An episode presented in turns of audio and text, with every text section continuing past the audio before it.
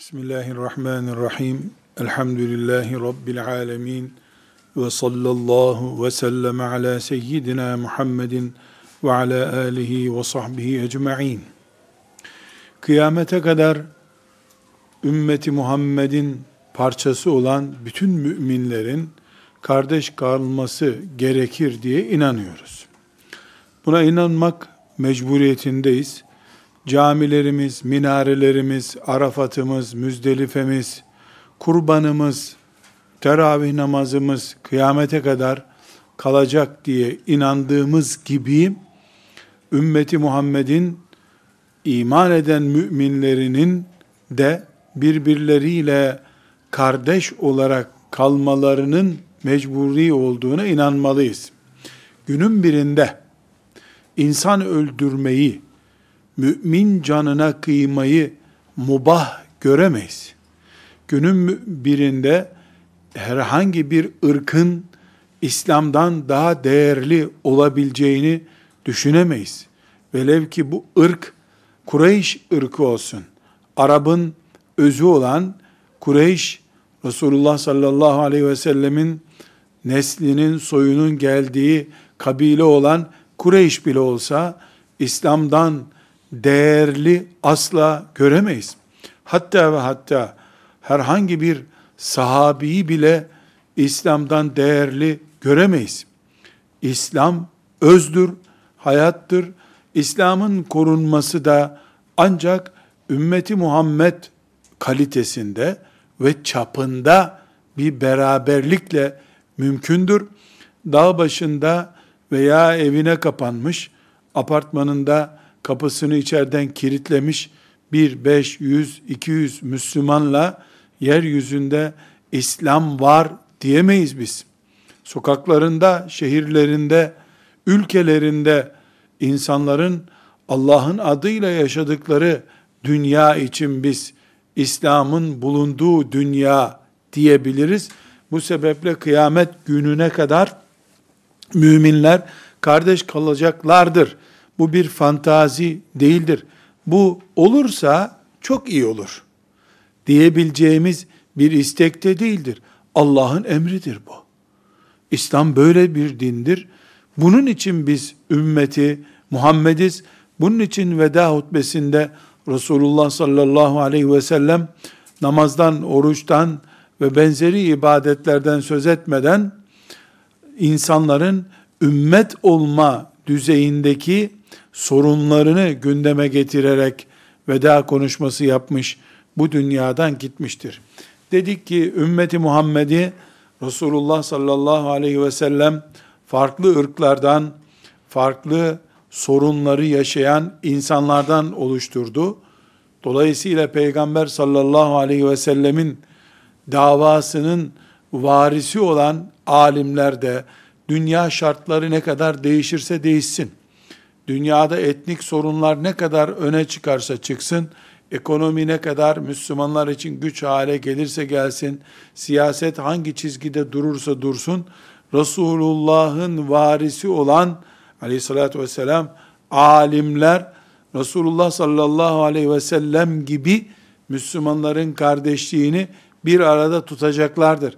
Bunu beceremedikleri zaman insanlara elif cüzü öğrettikleri için insanlardan 30 kişinin başına geçip onları hacca götürüp hac yaptırdıkları için alimlik vazifelerini hakkıyla yerine getirmiş olduklarını kimse iddia edemez. Bizi camide namaz için toplayanlar yeri geldiğinde miting için meydanlarda da toplayabilmelidirler. Ramazan-ı Şerif'te bize teravih kıldıranlar dünya görüşümüzü de kendi din anlayışlarıyla Resulullah sallallahu aleyhi ve sellem'den öğrendikleri şeyin etkisiyle bir arada tutmayı becerebilmelidirler. Bunun için de önce şüphesiz kendileri alimler olarak bir arada durmayı becerdikten sonra bunu yapacaklardır. Şimdi bu bölümde diyoruz ki nasıl bir cami Allah için ibadet yapılan mekan Badanası eskir, camı kırılır, sıvası dökülür, halısı eskir ve onun bir derneği var. Onu sürekli bakar, üç kişi beş kişi ilgilenir. Tarihi bir cami ise devlet gelir ilgilenir, vakıflar ilgilenir.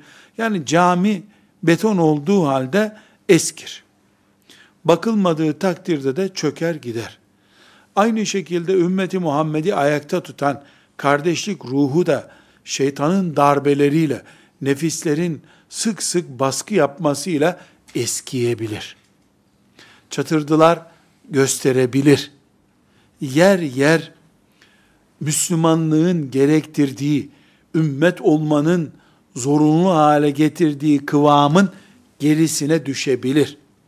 Namazda esnediği gibi Müslüman, oruçta şaşırıp ağzına yarım bardak su götürdüğü gibi Müslüman, şaşırıp da bir gaflet ile bir mümin kardeşine işte bir hakaret cümlesi kullanabileceği gibi, namazda, Kur'an okumada, oruçta yanlış yapabilir insan.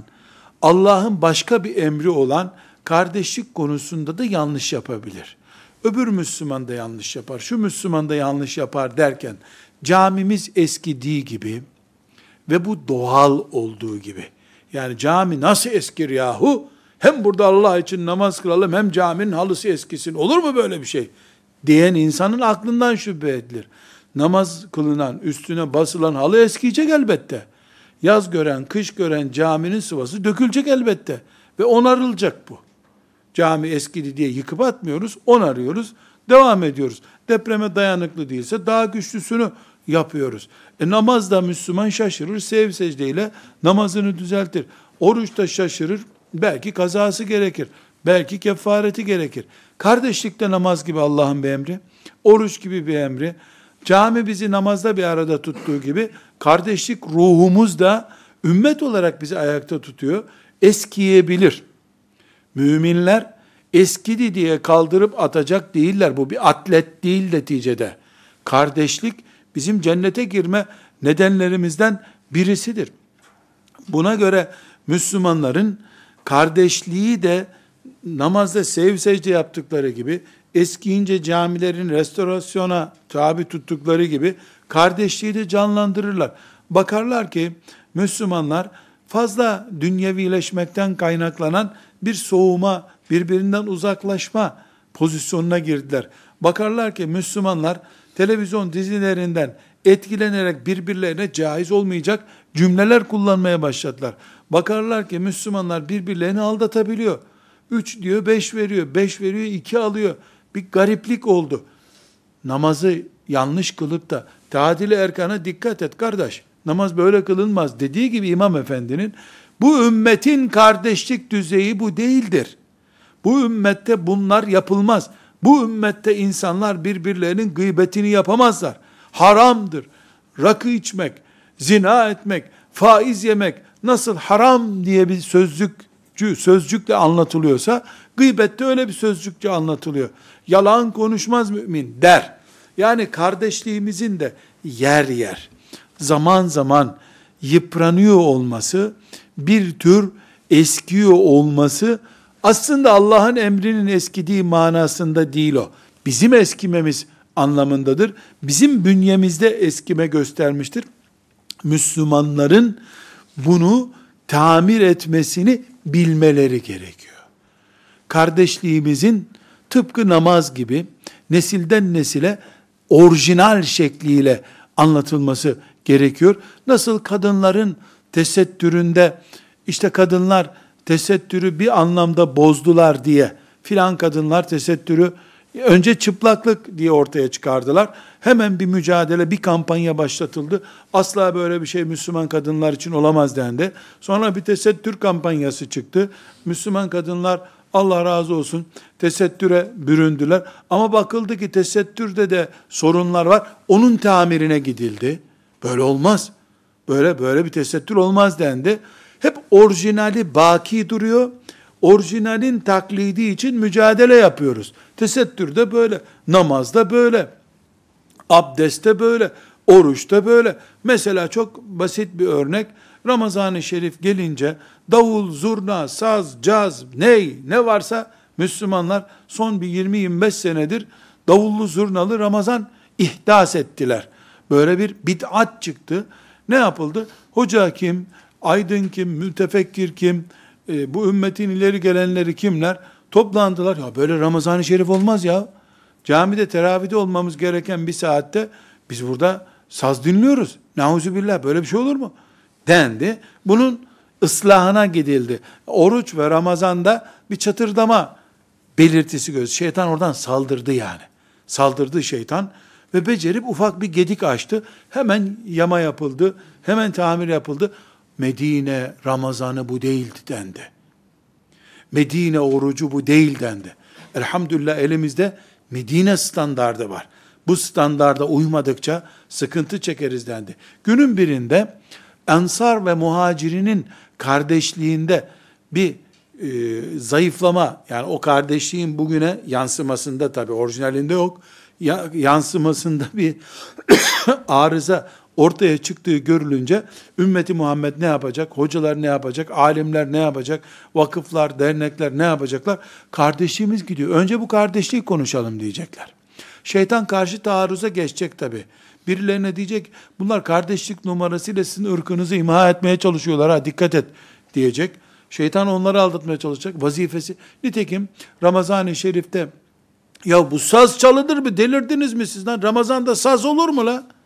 Ramazan'da piknik olur mu? Ramazan'da eğlence olur mu diye bir çıkış yapılınca hemen karşı taarruzu ne yaptı şeytan? Ne yapıyorsunuz ya? Herkes Hazreti Ebu Bekir mi bu dünyada? İşte öbürleri de ısınsın oruca diye yapıyoruz bunu biz. İşte belediyeden bütçe aktarıyoruz ama saz çalarken belki birileri gelir teheccüde kalkar filan gibi böyle bir karşı taarruz. Tam şeytanca tabi. Taarruz. Kardeşlik konusunda da bunu yapacak şeytan. Bunlar kardeşlik diye sömürmeye çalışıyorlar. Filan ırkı filan ırktan üstün tutuyorlar. Bunların derdi başka. Zengin sömürüsü, diktatörü oluşturuyorlar.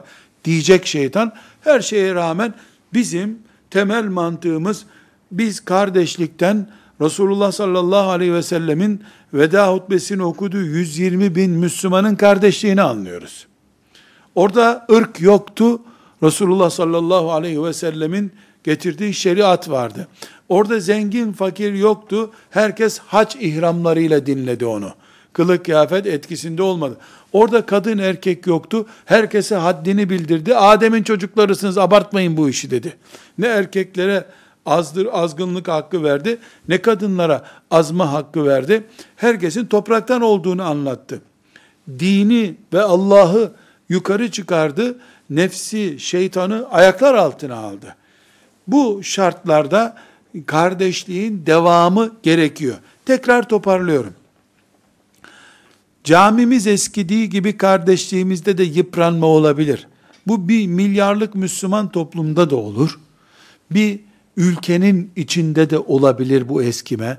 Hatta ve hatta bir camide cemaatle namaz kılan Müslümanlar arasında da bu eskime olabilir. Hatta ve hatta bir gaye için bir araya gelmiş bir vakıf, bir dernekteki 5-10 Müslüman arasında olabilir. Hatta ve hatta aynı annenin, aynı babanın çocuklarının arasına şeytan mal sebebi, mirastı vesaire bir kin koyup öz anne babanın e, çocuğu olan kardeşler arasında bile bu yıpranma olabilir. Bu doğaldır. Yıpratıcı bir dünyada yaşıyoruz çünkü. Dünyanın kendisi yıpratıcı. Yani büyük çakıl e, kumlar, çakıllar arasında e, yürümek zorunda olan bir insanın ayağındaki yıpranmanın doğallığı gibi bu hayat, bu dünya mümin kardeşliğimizi yıpratabilir. Yıpratıcı bir dünya burası. Bizim vazifemiz yıprananı koparıp atmak değil, yıpranmaması için mücadele ettikten sonra yine buna rağmen yıpranma, dökülme olursa ıslahına gideceğiz, tamirine gideceğiz. Yer yer Kudüs'le ilgili mübarek davamız, cihadımızın yerini bu ıslah alacak. Çünkü birbirleriyle boğuşan mümin kardeşler Kudüs'ü ıslah etme, Kudüs'ü kurtarma adayı hiçbir zaman olamazlar. Onlar Kudüs'ün belası zaten. Onların yüzünden Kudüs zaten sarsılıyor. Kabul edilir. Bu sebeple bir tabii hakikati konuşuyoruz. Nedir o? Yıpranma doğaldır. Bu doğal yıpranmaya karşı ıslah etmek, düzeltmek, orijinal olan Medine tavrını, Arafat'taki, Mina'da, Müzdelife'deki veda hutbesindeki standartları yeniden oluşturmakta cihattır. Onun vakti geldiğinde onu yapmak cihattır.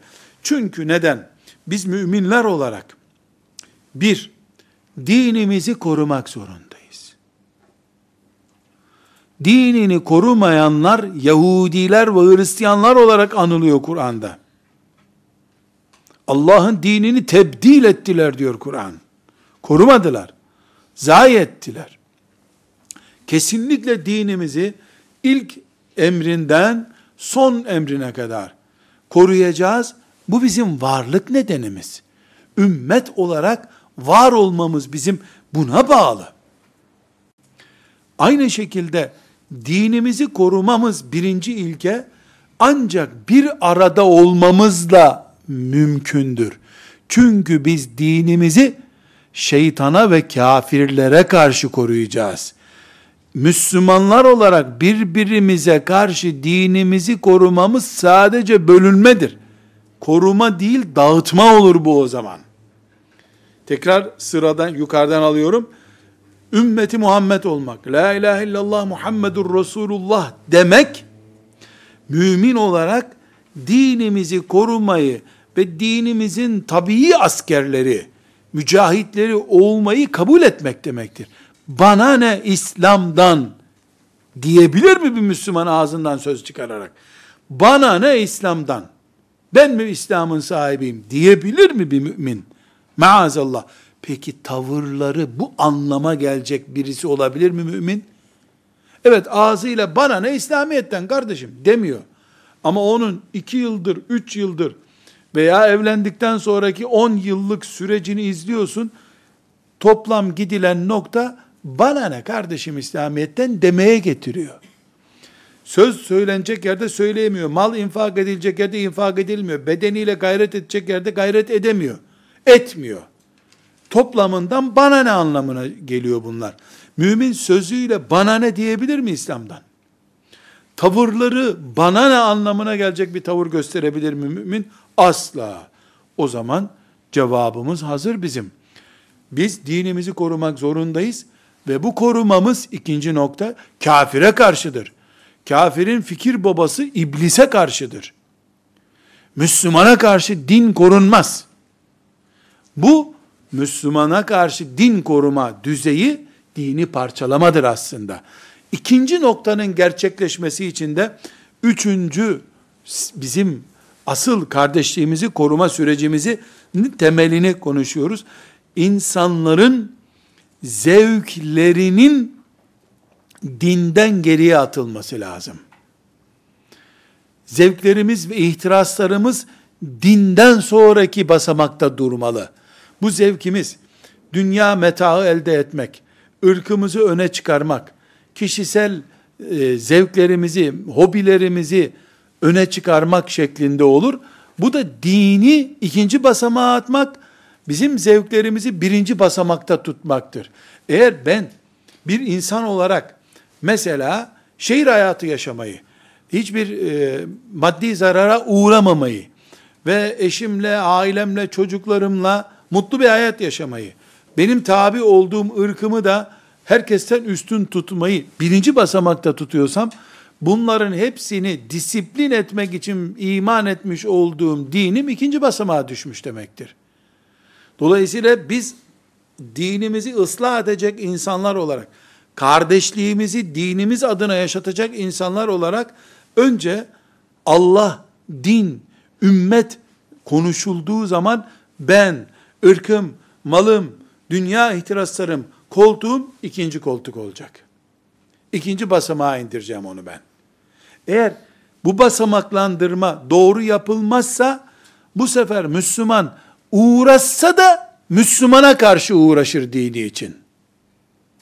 Kafirin önünde evet efendim yasaldır bu doğrudur diye ele tek toparlanır. Eli pençe gibi durur. Kafirin önünde, müminin önünde ne diyordun lan sen? Öyle olmaz. Sen bizden değilsin der. Şeytan ondan sonra herhangi bir promosyon ödemek zorunda değil artık. Çünkü Müslüman, Müslümana karşı dini için uğraşmaya başladığı andan itibaren şeytana filmi seyretmek düşer artık. O bol bol film seyreder ondan sonra. Ondan sonra mümin zaten o hızla birbirini boğar, ümmet gider, ümmet helak olduğu için İslamiyet erime gösterir. O nesil açısından şüphesiz ümmet zarar görür. İslam geri kalmış olur. Dini birbirine karşı boğazlama pahasına müdafaa eden küfrün karşısında bu yüzden enerjisi birbirine karşı bitmiş bir ümmet olduğu için küfrün karşısında bir varlık gösteremeyen ümmeti götürür Allah. Onun yerine yeni bir ümmet götürür. Onlar Allah'ı severler. Allah onları sever. Cihad ederler.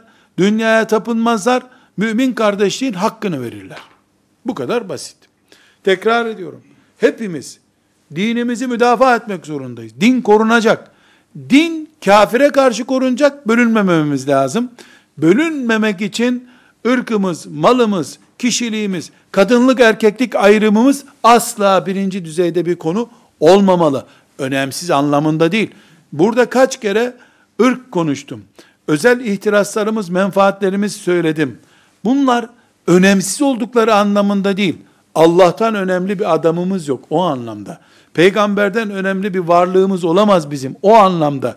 Yoksa Müslümanları Allah filan ırktan yarattıysa ben bu ırkı beğenmiyorum deme hakkı mı var bir insanın? Allah'ın yarattığı tarzdadır o. Siyah yarattıysa siyah, beyaz yarattıysa beyaz, kuzeyde yarattıysa kuzeyde, güneyde yarattıysa güneyde olacak. Yani Allah'ın yaratma tarzını biz daha değiştirecek halimiz yok maazallah. Böyle bir iddiamız da olmaz, böyle bir beklentimiz olması da mümkün değil zaten.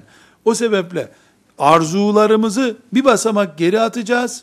Arzularımızın yerine Allah'ın emri, Peygamber sallallahu aleyhi ve sellemin emri gelecek. Bu bize bir birlik sağlayacak. Bu birlikle biz dinimizin müdafileri olacağız. Dinimizi savunacağız. Öbür türlü dinimizi birbirimize karşı savunuruz. Birbirimizi parçalayarak İslam'ı ayakta tutmaya çalışırız. Şeytanın aradığı da budur zaten. Birbirine karşı cepheleşmiş Müslümanlar varken şeytan kafirlere masraf bile ettirmez bir daha. Umarım buradaki çizdiğim çizgi hangi yönü gösteriyor anlaşılır inşallah. Tekrar bir noktaya dönmek istiyorum kardeşlerim. Şimdi bazı Müslümanlar şöyle zannediyorlar. Biz bir kere La ilahe illallah Muhammedur Resulullah dedik ki ayağımız topraktan kesildi. Ondan sonra bir leylek, melek olur genelde leylekler. Bizi böyle kakasıyla tuttu, arşa doğru götürüyor. İşte 80 yaşında ölünce de hop arşta bırakacak seni. Hani leylekler bebek getirir diye eskiden. Şimdi işte biz bir kere Müslüman olduk. Bizi bir melek götürüyor arşa doğru. Dünyayla bir ilgimiz yok. Öbürü de Müslüman, onun da ilgisi yok. Bu tam anlamıyla rüyadır. Böyle değil. Sen mümin olduğun andan itibaren yerden ayağını kesmek değil, balçık çamurda yürür gibi yürümeye başlayacaksın. Kafir senden daha rahat yürür. Mümin imanını güçlendirdikçe yer çekimi artar. Öbürünü 10 bar çekiyorsa seni 80 bar çeker. Çünkü sen Allah'a doğru yürüme iddiasındasın. Kafir avare yürüyor. Kasası boş yürüyor. Kasası boş yürüydün zıplaya zıplaya köy yolunda da gider. Sen dağların ve kainatın taşımaktan korktuğu bir emaneti sırtlanmışsın. Senin lastiklerinin sürtünme oranı trilyonlarca kere fazla kafirinkinden. Senin sık sık lastik patlatman, lastik yakman kadar tabii bir şey yok. Elbette iblis, ümmeti Muhammed'le, kelime-i tevhid söyleyenlerle uğraşacak. Onları bölmek onun için, kafirleri çoğaltmaktan daha kolay bir şey. Burada tabii olan, bu süreci böyle anlayamaması değildir müminin. bununla inatlaşmaktır.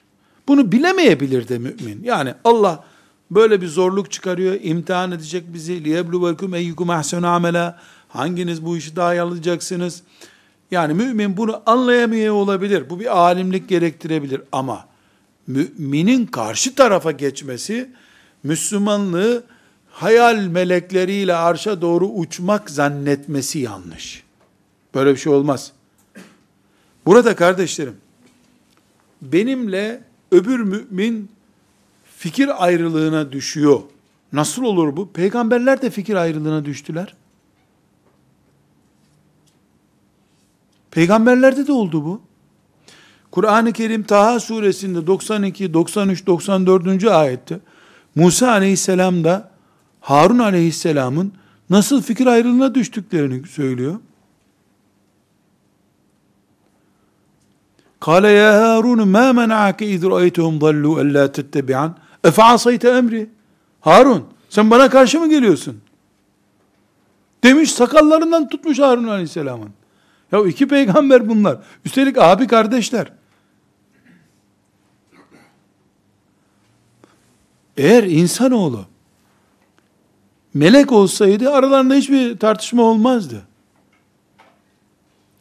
Ayrı ayrı beyinler ve kalplerle bu hayatta var olanların beyinlerinde düşünme, kalplerinde kan pompalama takatı bulunduğu sürece çok tabii bir süreçtir bu.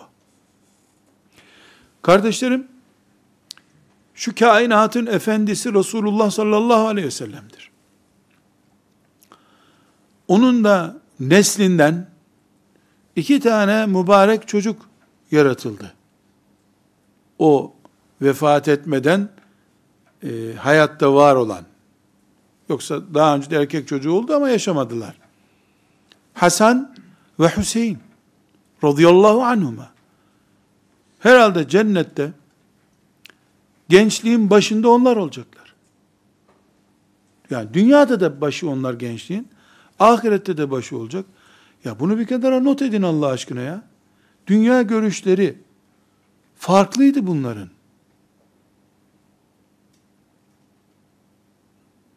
Biri bu hale siz ne yaparsanız yapın. Ben dedemin topraklarında ibadet edip ömrümü geçireceğim. Beni uzak tutun bu işlerden dedi. Aynı babanın annenin çocuğu, aynı peygamberin ikinci torunu ne yapıyorsunuz siz bu böyle olmaz deyip üzerine yürüdü. Biri Medine'ye çekildi, biri orduların üstüne yürüdü. Şehit oldu sonra.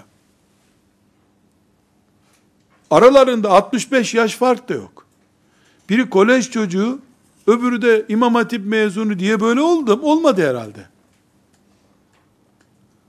Yani bir miktar Müslümanda e, tefekkür kabiliyeti varsa oturup bunu düşünür. Ya aynı babanın çocukları, aynı Medine'nin çocukları aralarında bir yaş fark var.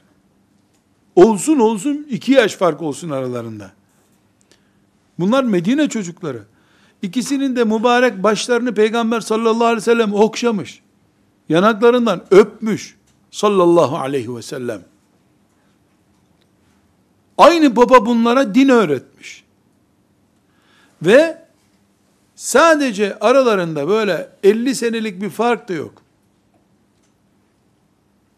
Kısa bir zaman içerisinde birisinin tavrı beyaz, öbürününki kırmızı çıkmış ortaya. Bu bize ne Hasan radıyallahu anh'ı ne de Hüseyin radıyallahu anh'ı bu tavırında haşa nauzu billah tenkit etme ya da onunki daha iyiydi. Bununki daha yanlıştı gibi böyle bizi edebimizi sıfırlayacak kadar büyük bir çirkin cümleyi ağzımızdan çıkartmaz maazallah. Hasan yaptığında başımın tacıdır. Hüseyin yaptığında başımın tacıdır radıyallahu anhuma. Biri sağ gözüm, biri sol gözümdür. Ama ben ikisini de oturuyorum, seyrediyorum, Allahu Ekber diyorum. İnsanı ne güzel yaratmışsın ya Rabbi. Aynı annenin babanın çocuğu. Beni bu işlere bulaştırmayın, ümmetimiz huzurlu mu olacak? Alın yönetim sizin neyiniz olursa olsun, bırakın ben Medine'ye gideyim dedi. Gitti. Öbürü de siz ne yapıyorsunuz? Abisinin emanet ettiği şeylerin hesabını sormaya gitti. Sağ gözüm ve sol gözümün bir tanesi öbüründen kıymetli değil. Çünkü ben tam ortayı görmeye çalışıyorum. Sağ ve sol gözümle ortayı dengeli görüyorum. Birini kapatınca hayatın bir tarafı kararıyor çünkü. Hayat budur işte. Hasan ve Hüseyin radıyallahu anhumadaki gibidir. Bir evde bile olsa ki Hasan Hüseyin bir evin çocukları. Aynı ev, gene bir evin çocukları olan Musa ve Harun aleyhisselam peygamber üstelik yeryüzünün en çetin mendeburlarına, melunlarına ve tağutlarına karşı görev yapan iki peygamber bu. Biri vurup dağıtmış, sinirli bir mantığı var. Öbürü ise yanı başındaki isyanı nasihatla çözmeye çalışmış. Dinlemeyince abisi gelmiş bakmış. Bu buzağı nereden çıktı demiş ya. Harun sen bunların başında değil miydin demiş. Aynı babanın annenin çocukları bunlar. Yani ikisi de peygamber olmasa birinde peygamber ağırlığı var diyeceksin. Üstelik de ta ilk günden itibaren allah Teala'ya yalvardı. Harun'u benim yanıma ver ya Rabbi dedi. Allah'ın Allah'tan istedin yardımcı peygamber sana Allah onu yardımcı peygamber gönderdi. Tartıştılar. Bu tartışma edep sınırını aşmadı. Birbirlerine tekfir edecek, sen bundan sonra peygamberliğin iptal olmuştur, sen dalalet ehlisin demeye götürmedi. Bu ümmeti Muhammed'in içerisinde hiç aklı başında bir bırak alemi sıradan bir Müslüman bile yahu Hasan ne güzel yahu demedi. Neden? Aklı başında herkes bildi ki hayat dediğin budur. Bu mücadele böyle bir yaz olacak, bir kış olacak. Kış günü böyle bir ufak sıcak çıkacak. Aa yaz geldi zannedeceksin. Bakacağız ki ne yazı akşam kar yağıyor gene. Yaz günü hafif hava serinleyecek. Gömlekle çıkanlar üşüyecekler. Yahu ceket alsaydık diyecekler. Hayat böyle. İnsanlar da bu hayatın bir ürünü. Bu hayatta bulunsunlar diye Allah insanları yaratmış. Sadece ve sadece cennette bu sorunların hiçbiri olmayacağına yemin edebilirim. Neza'na ma fi sudurihim min gillin ihvanen ala sururin mutekabilin. Sadakallahul azim. Hecr suresinin 47. ayeti. Tartışmanın olmayacağı tek yer. Allah. Neza'na ma fi sudurihim min gill. O içlerindeki kin, nefret, tartışma, protesto, kızma, sinirlenme onları içinden alacağız. İhvanen hepsi yüzde yüz kardeş olacaklar. Ala sururin mutekabilin. O koltukta Afrikalı bir mümin. Dünyada Afrikalıymış. Orada Afrika yok herhalde. Bu koltukta Avustralya'da bir mümin. Onun yanı başında önünde Bilal-i Habeşi. Bunun yanında Ömer bin Hattab. Karşılıklı oturmuşlar. Sanki iki ceset değil de milyarlarca mümin bir cesetmiş gibi olacak. Çünkü neden? Kız kavgası yok. Koltuk kavgası yok. Siyaset hırsı yok. Ticaret yok. Benim önüme geçtin, arkama geçtin yok. Abime ayakkabı aldın, bana niye almadın yok. E sen benim kocamsın 20 senedir anamı ağlattın doğduğuma pişman ettin yok. Ya bu karıyı nereden Allah bana rastlattı diye kadınından şikayet yok. Niye? Neza'na ma fi sudurihim min gillin. İçteki bütün tartışmaların kökünü, kök suyunu koparmış atmış Allah. Kök hücreyi sökmüş oradan. Şeytanın gıdıklayacağı bir yer yok. Şeytanın kendisi de kaynıyor cehennemde zaten ama olsa da gıdıklayacağı yer yok. Şimdi parayı gıdıklıyor. Forsu gıdıklıyor. Senin önünce saçını tarayana bak bana fors atıyor diye seni kışkırtıyor. Her şeyi kışkırtıyor. Çünkü insanların içinde bu birilerine göre kendini ölçmek, başkalarını sağda solda önde arkada görmek, cebinin doluluğuna göre mutluluk hissetmek, senin ayağına basana bağırmak, sözünü dinlemeyeni yok kabul etmek gibi duygular içeride var. Bunlar var olduğu sürece, bağırsaklar dolu olduğu sürece gaz yapar. Bunu hiç önlemek mümkün değil. Ama Allahu Teala bunu kaldırdığı zaman biiznillah cennette hiç kimse birisine tartışmayacak. Kızmak yok. Kadınlar kocalarına asla kızmayacaklar. Kocaları da hiçbir zaman bu kadından ne çektim demeyecekler. Bir şey çekmeyeceksin ki. Nankörlük yeri değil cennet. Dertlere tahammül yeri değil. Dünya ise dertlere tahammül, nankörlük etmeme, nankörlüklere karşı yıkılmama yeri dünya. Çünkü dünyanın bu şartlarına dayanabilenler وَنَزَعْنَا مَا ف۪ي صُدُورِهِمْ مِنْ غِلٍّ ayetinin muhatabı olup tartışmaların olmadığı, sürtüşmelerin olmadığı cennete biiznillahü teala gidecekler.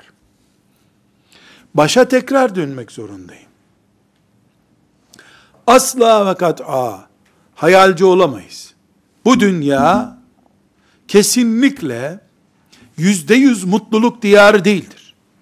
Yüzde yüz huzur diyarı değildir. İbadetin bile yüzde yüz yapılabilir yeri değildir. Resulullah sallallahu aleyhi ve sellem kainatın efendisi. Efendiliğinin üstünde tek bir rakam daha yok.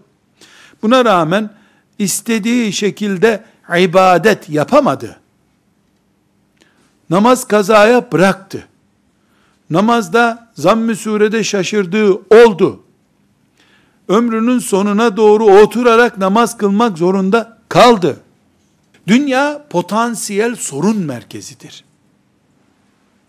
Yüzde yüz huzur, dertsizlik cennette olacak. İşte kardeşliğimiz de dertlerimizden bir derde dönüşebilir bir gün. Doğaldır bu. Doğaldır. Doğal olmayan nedir? Abuk subuk düşünmektir. Niye böyle oluyor demektir. Bir anne çocukları arasında niye sürtüşme oluyor diyemez. Bu çocuklar nasıl büyüyecekler? Oyuncağımı aldın almadın. Sen benim oyuncağımı ver. Hep sen benim alıyorsun. Anne oyuncağımı versin. Yoksa ben yemek yemem. Diyen çocuk ticaret yaparken aldanmayacağını öğreniyor aslında. Biz bu çocuklar yaramazlık yapıyor zannediyoruz. Hayır. Allah onlara birisine mal satarken, alırken, markette bir şey verirken, alırken, paranın üstünü alırken, almazken aldanmayacağını kardeşiyle eğitim yaparak öğretiyor tek büyüyen çocuklar hep psikolojik sorun oluyorlar. Neden? Boşalmamış çocuk, egzersiz yapamamış. İlk egzersizini okulda yapmak zorunda kalıyor. Orada da dayak yiyor. O dayak da neticede bir eğitim onun için. Bu hayat böyle geldi.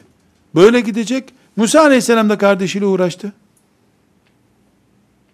Ebu Bekir radıyallahu anh'a bak. Ömer radıyallahu anh'a bak. Karakterlere bak ya. Biri Halid bin Velid varken Allah'ın izniyle bana ümmetime bir şey olmaz diyor. Öbürü göreve geldiği gün Halid bin Velid'i alıyor görevden. İlk Bismillahirrahmanirrahim Halid'i görevden alıyor. İkisi de Resulullah sallallahu aleyhi ve sellemin can dostu. Yani Resulullah sallallahu aleyhi ve sellem açıkça önce Ebu Bekir demeseydi, herhalde biz kıyamete kadar hangisi hangisinden daha eftal bilmeyecektik. Allah hepsinden razı olsun. Ama biri Halit ümmete lazım diyor, öbürü Halit'le bu ümmet olmaz diyor. İkisi de aynı adam. Yani fikir farklılığı sadece şimdi medrese hocaları ile ilahiyat hocaları arasındaki bir farklılık değil ki. Al işte ashab-ı kiramdan daha iyi örnek mi var? Ömer ve Ebu Bekir radıyallahu anhuma'dan daha iyi örnek mi olur ya? Hasan ve Hüseyin'den daha iyi örnek mi olur? radıyallahu anhum cemiyan biz bir sıkıntı yaşıyoruz. Nedir o sıkıntı? demokratik haklar, siyasal bilimler, uluslararası kavramlar zihnimizi öyle doldurdu ki, insan hakları, bilmem ne safsataları öyle bir inandırdı ki kendisini bize, Allah'ın yaratma tarzına bile bunları oturtmaya çalışıyoruz. Allah iki farklı tip yaratacağım buyurmuş. Biz neredeyse birleştirilmiş milletlerin talimatıyla bunu da kaldıracağız. Ha. Zaten erkeklik kadınlık farkı kalmadı. Onu kanunen kaldırdılar. Hatta kainat yaratıldığından beri sistem değişti. Kadın erkekten daha bir puan yukarı çıktı. Eşitliğe razı olmadık demek nankörlük oldu bu. Bir yüz senedir eşitlik savaşı yapılıyor. Şimdi ters döndü her şey. Yani erkeklik kadınlık oynandı. Şimdi bir de bu insanlar arasındaki renk farklılığını da kaldıracaklar. Herkes otomatik düşünecek. Tek renk düşünecek. Hayır. Ortada bir hakikat var. Rabbimiz böyle murad etti. Bunun başka türlüsü olamaz. Kim başka türlü hayal ediyorsa o yanlış düşünüyor. Çünkü Allahu Teala bu farklı zevkler, farklı kavrayışlar, idrakler, farklı ihtiraslar özellikle bulunsun bir tür elektrik akımındaki artı eksi kutup gibi elektriğin ortaya çıkması için gerekli enerji oluşsun diye böyle yaratmış Allah. Dini hayatın merkezine oturtamayan kafalar Allah'ın bu muradını yakalayamıyorlar. Yakalayamayınca ya İmam-ı Azam'a niye karşı çıkmışlar diyorlar. E ashab-ı kiram bir şey söylediyse İmam Malik niye tersini söylemiş diyorlar bir şey anlayamamış. O sadece buğday ekmeği ve pasta yemeği biliyor. Buğdayın değirmende nasıl öğüdüldüğünden haberi yok ama. O zannediyor ki tarladan sabahleyin gidiyorsun bir çuval un alıyorsun. Tarla un vermiyor. Tarla buğday veriyor. Buğday değirmen görüyor. Fırında yanıyor, sana ekmek oluyor. Bu hayat bin bir çilesiyle, bin bir çilesiyle ve Müslümanların aralarındaki binlerce sürtüşmeyle aktif hale gelen bir Müslümanlıkla yaşanır. Tarladan sabahleyin kazıp soğan alır gibi ekmek alacağını zannedenler ekmek bulamazlar. Acı soğan pişmemiş patates bulabilirler toprağın altında. Değirmen ve fırın sürecinden sonra ekmek ekmektir.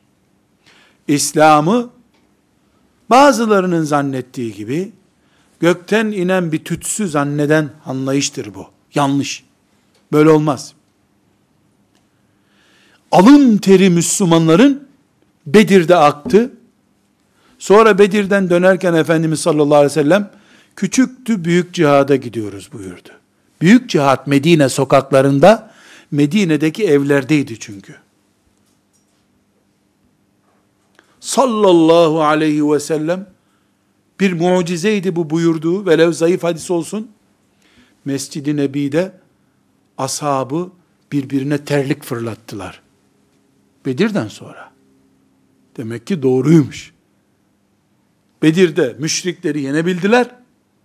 Ama Mescid-i Nebi'de nefis hala duruyordu. İblis hala kışkırtmaya çalıştı. Evsliler kurtarın diye bağıran oldu. Hazretli neredesiniz diye ne oldu? Ama İslam gitmedi. O pozisyonu da terbiye etti. Ne dedik? Tabiidir. Müminin vazifesi de bu konumda tamirci olmaktır. Sürekli ıslah için çalışmaktır.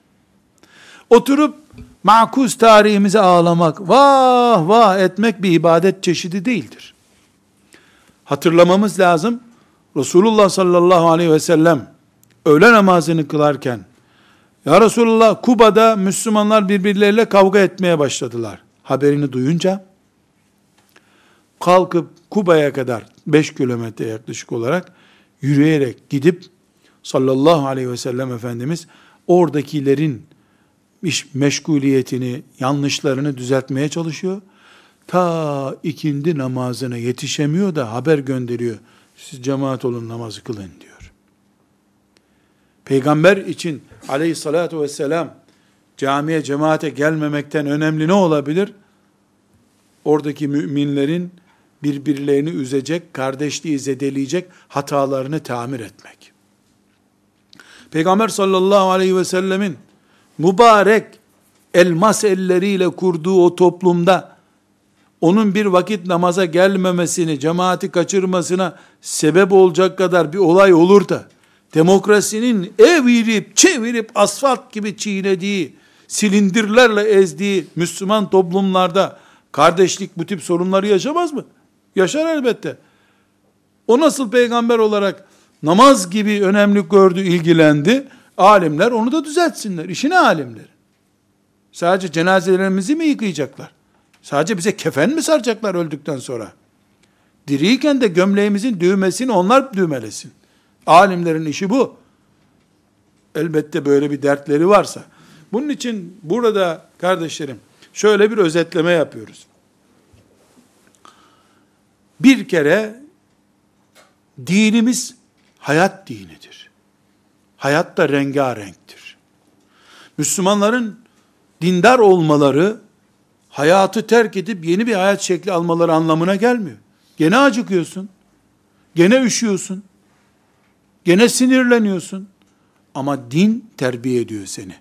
Disiplin altında tutuyor. İki, beşeri kimliğimiz bizim saman gibi birden alev almamızı, benzin gibi parlamamızı sağlayabilir. Sinir sistemimiz var. Gözümüz yoruluyor, sinirlerimiz yoruluyor, bunalıyoruz, taşıyoruz. Midesinden kusma yaptığı gibi insan, sinirinden de, beyninden de kusar.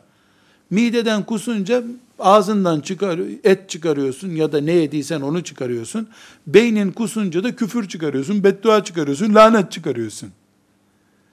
Doktor soğuk alma, şunu yeme, şunu yapma, işte senin midende şu var, gastritrin var, bilmem ne var diye seni tamir ettiği gibi, İmam Gazali'nin ihyasını okuyarak da sen beynini tamir ettiriyorsun, e, küfür etmiyorsun bu sefer. Lanet etmiyorsun. Yani ortada bir din var, bu din çok tabii olarak hayatın üzerine oturuyor. Oturduğu hayat, insanların sinir sistemlerinin bulunduğu, soğuktan, sıcaktan, fakirlikten, zenginlikten etkilendikleri, şımardıkları, gevşedikleri, daraldıkları bir hayat. E din, ben geldim bunlara son verildi demiyor. Böyle bir iddiası yok dinin. Fıtrat dini üstelik, kadına kadın gibi gel diyor. Erkeğe erkek gibi gel diyor. Çocuğu çocuk gibi kabul ediyor. Osman'ı da meleklerin bile utanacağı bir haya adamı olarak kabul etti. Ali'yi Allah'ın arslanı olarak kabul etti. Ebu Bekir'i sadık bir dost olarak kabul etti. Herkesi fıtratıyla kabul etti din. Hepsi o farklılıklarla Peygamber sallallahu aleyhi ve sellemin arkasına dizildiler. Hayat bu. Biz Müslümanlar olarak kesinlikle şu hakikati bileceğiz. Hayalci olmaya gerek yok. Fıtratımız böyle bizim ama tedbir almasını da bilmemiz lazım. Burada bir örnek zikredeceğim. Umarım bu örnek hepimiz için unutulmaz bir ders olur. İmam Şafii rahmetullahi aleyhi takip edenler, fıkhını bilenler için bir örnek. Hanefi mezhebinde de bunun benzerileri var ama özellikle bunu İmam Şafii bizzat kendisi öne çıkardığı rivayet edildiğinden ondan zikrediyorum. Bir cami, öğle namazı kılındı. O caminin de imamı var. Namazı kıldırdı gitti. Yarım saat sonra bir Müslüman geldi. Bu Müslüman namazı kaçırdı. Cemaati kaçırdı yani. Daha vakit var. Ne yapacak bu Müslüman? Biz ne yapıyoruz? Biz ne yapıyoruz? Gel abi ya cemaat olalım diyoruz. Bu kural havaalanı mescitleri için, benzin istasyonlarındaki mescitler için değil, mahalle camileri için. Nedenine de geleceğim şimdi. O zaman da havaalanlarında mescit vardı. Neydi havaalanı? İnsanların develerini bağladıkları yerlerde mescitler vardı. Diyor ki İmam Şafii, orada yeni bir cemaat oluşturmak olmaz diyor. Ne yapacağız? Herkes kendi kılsın namazı diyor. Ya niye namazı kendimiz kılacağız bir daha?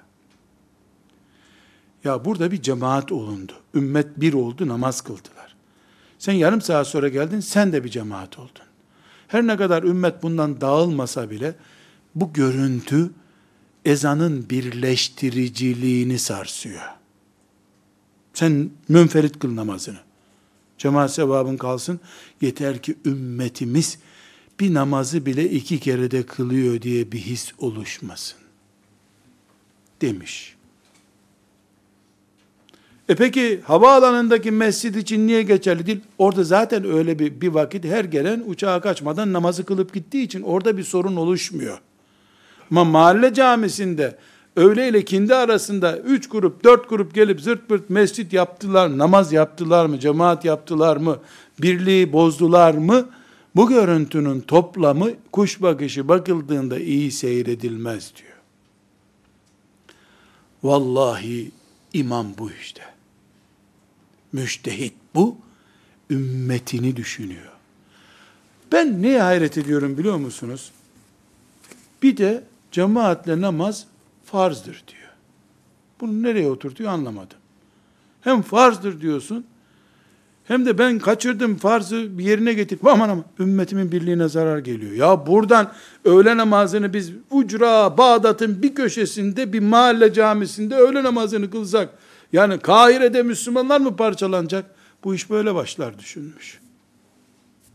Bugün öğle namazında bir araya gelemeyenler yarın cephede bir araya gelemezler. Hanefi mezhebinde kavil nasıldır? Şimdi cemaat o kadar önemli. E, Resulullah sallallahu aleyhi ve sellemin emri var. Ne demişler? İmam namaz kıldırıyor ya bir köşede. Onun adı ne? Mihrab. İmamın sarığıyla geçip namaz kıldırdığı yer. İkinci cemaati oluşturacak olanlar oraya geçemezler bir daha diyor. Caminin başka bir köşesinde kılsınlar. Anlaşılsın ki bir kere imam olunuyor bu ümmette. Bir kere farz kılınıyor bir daha. Bu da apayrı bir iştihat. Bu da mübarek bir iştihat. Elhamdülillah. Anlayışı bu olan bir ümmetiz. Bu düzeyi yakalayamayan bu ümmetin ne alimi olur ne de adamı olur. Velhamdülillahi Rabbil Alemin.